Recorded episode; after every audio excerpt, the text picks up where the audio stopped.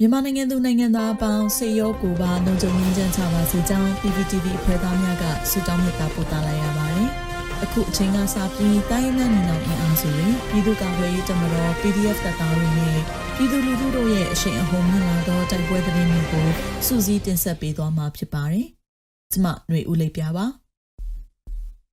ပထမဦးစွာမြင်းမူရင်စစ်တပ်မိုင်းရှာစစ်ကြောင်းနှင့်ကင်းပုံဖောက်ခွဲတိုက်ခိုက်ခံရပြီးစစ်သား15ဦးသေဆုံးတဲ့တဲ့ရင်တင်ဆက်ပါမယ်။စကိုင်းတိုင်းမြင်းမူမြို့နယ်တွင်အကြမ်းဖက်စစ်တပ်မိုင်းရှာစစ်ကြောင်းနှင့်ကင်းပုံများကိုဇူလိုင်လ25ရက်နေ့တွင်ဒေသခံကာကွယ်ရေးတပ်ဖွဲ့များကမိုင်းဆွဲတိုက်ခိုက်ခဲ့ပြီးစစ်သား15ဦးသေဆုံးခဲ့ကြောင်း Black Eagle Defense Force MMU အဖွဲ့ထံမှသိရှိရပါသည်။ ဇူလိုင်လ25ရက်နေ့နနက်6:22မိနစ်တွင်မြင်းမှုမြို့မှမိုင်းရှင်ရန်ထွက်ခွာလာသောအင်အား20ခန့်ပါအကြမ်းဖက်စစ်တပ်စစ်ကြောင်းသည်ဂွေးပင်တော်ချေရွာနှင့် ဘိုးမင်းကြီးကင်းချေရွာအကြားရောက်တွင် MMU အဖွဲ့မှမိုင်းအားတွေ့ရှိ၍ဝန်တာအားရမိုင်းတွေ့ပြီးမိုင်းတွေ့ပြီးဟုထအော်ပြီးမိုင်းရှင်ရန်လှုပ်ဆောင်စဉ်အသင်ဆောင်ဆိုင်နေသောဒေသခံကာကွယ်ရေးတပ်ဖွဲ့ဝင်များမှပရိသာမိုင်း10လုံးတစ်ဖက်ပွင့်ပြောင်း22လုံးတို့ဖြင့်ဖောက်ခွဲတိုက်ခိုက်ခဲ့သောကြောင့်စစ်သား73ဦးပွဲချင်းပြီးသေဆုံးပြီး9ဦးထိခိုက်ဒဏ်ရာရရှိခဲ့ကြောင်းသိရရှိပါသည်။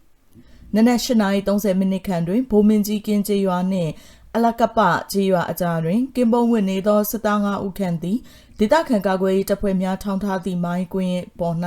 ရှိနေစဉ်ဖောက်ခွဲတိုက်ခိုက်ခံရပြီးစစ်သား2ဦးသေဆုံးကကြန့်ရှိသောစစ်သားများတပ်ဖြတ်ခါကြောက်လန့်တကြားထွက်ပြေးသွားကြောင်းသိရှိရပါသည်။အဆိုပါအကြမ်းဖက်စစ်တပ်မိုင်းရှာစစ်ကြောင်းနှင့်ကင်းပုံကိုညီနောင်မဟာမိတ်ငါးဖွဲ့တို့မှပရိသမိုင်းများဖြင့်ဖောက်ခွဲတိုက်ခိုက်ခဲ့ခြင်းဖြစ်ကြောင်းသိရှိရပါတယ်ရှင်။ ဆက်လက်ပြီးမုံရွာမှထွက်လာသောစစ်တပ်ရင်ရင်အုပ်စုတိုက်ခိုက်ခံရပြီးတင်မော့နှစီမိကိုများထွက်ခါထိခိုက်မှုရှိတဲ့သတင်းဆက်လက်တင်ဆက်မှာပါ။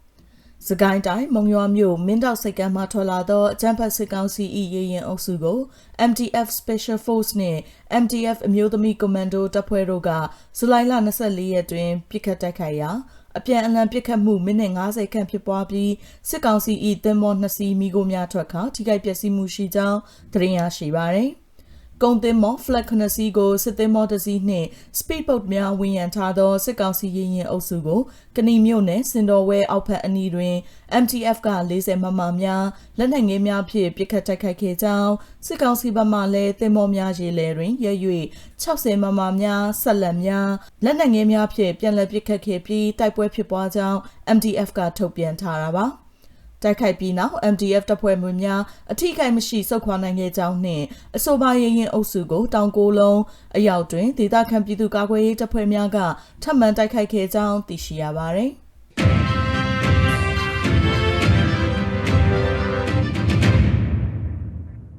မိုးပြဲတွင်တိုက်ပွဲဖြစ်ပွားပြီးစစ်သား10ဦးသေဆုံးတဲ့တွင်ဆက်လက်တင်ဆက်ပါမယ်။ကရားပြည်နယ်မိုးပြဲမြို့ပေါ်သို့ဇူလိုင်လ25ရက်နေ့မွန်းလွဲတနာရီခန့်တွင် စစ်ကား22စီးစစ်သားအင်အား300ဝန်းကျင်ဖြင့်စစ်ကြောင်းထိုးလာသောအကြမ်းဖက်စစ်တပ်ကိုဒေသခံကာကွယ်ရေးတပ်ဖွဲ့များကခုခံတိုက်ခိုက်ခဲ့ပြီးစစ်သား10ဦးသေဆုံးခဲ့ကြောင်းမိုးပြဲပြည်သူ့ကာကွယ်ရေးတပ်ဖွဲ့ထံမှသိရှိရပါသည်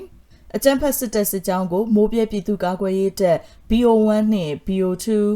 လွိုင်ကော PDF နှင့် URF အဖွဲ့တို့က ပူးပေါင်းခုခံတိုက်ခိုက်ခဲ့ပြီးညနေ9နာရီဝန်းကျင်မှစတင်ကတိုက်ပွဲပြင်းထန်ခဲ့ပြီးတိုက်ပွဲမှာ3နာရီဝန်းကျင်ကြာမြင့်ခဲ့ကအကြမ်းဖက်စစ်တပ်ဖက်မှလက်နက်ကြီးအစမတန်အုံဖြူခဲ့သောကြောင့်စစ်ရှောင်းပြည်သူများနေထိုင်သည့်နေရာကိုလက်နက်ကြီးကြားရောက်ခဲ့ကအမျိုးသမီးတဦးပွဲချင်းပြီးသေဆုံးပြီးအမျိုးသားတဦးထိခိုက်ဒဏ်ရာရရှိခဲ့ကြောင်းသိရှိရပါတယ်။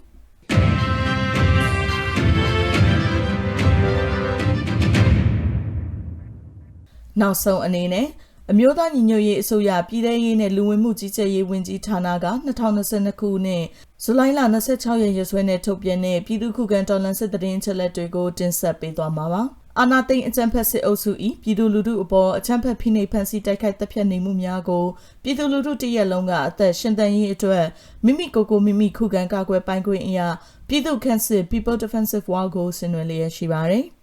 သတင်းချက်လက်များအရ26ရက်9လ2022တနင်္လာနေ့တွင်စစ်ကောင်စီတပ်ဖွဲ့ဝင်22ဦးသေဆုံးပြီးထိခိုက်ဒဏ်ရာရရှိသူ14ဦးအထိခုခံတိုက်ခိုက်နိုင်ခဲ့ပါတယ်။စစ်အာဏာရှင်စနစ်မြန်မာမြေပေါ်မှအပြည့်တိုင်ချုပ်ငြိမ်းရေးနဲ့ Federal Democracy တည်ဆောက်ရေးအတွက်ဆန္ဒငြိမ်းချမ်းစွာဆန္ဒပြသည့်လူထုတပိတ်တိုက်ပွဲများကပြည်내နဲ့တိုင်းဒေသကြီးများမှာဖြစ်ပွားပေါ်ပေါက်လျက်ရှိပါတယ်။မြေပြင်မှာယခုတွေ့ရတဲ့သတင်းအချက်အလက်များထက်ပို၍ဖြစ်ပွားနိုင်ပါတယ်ရှင်။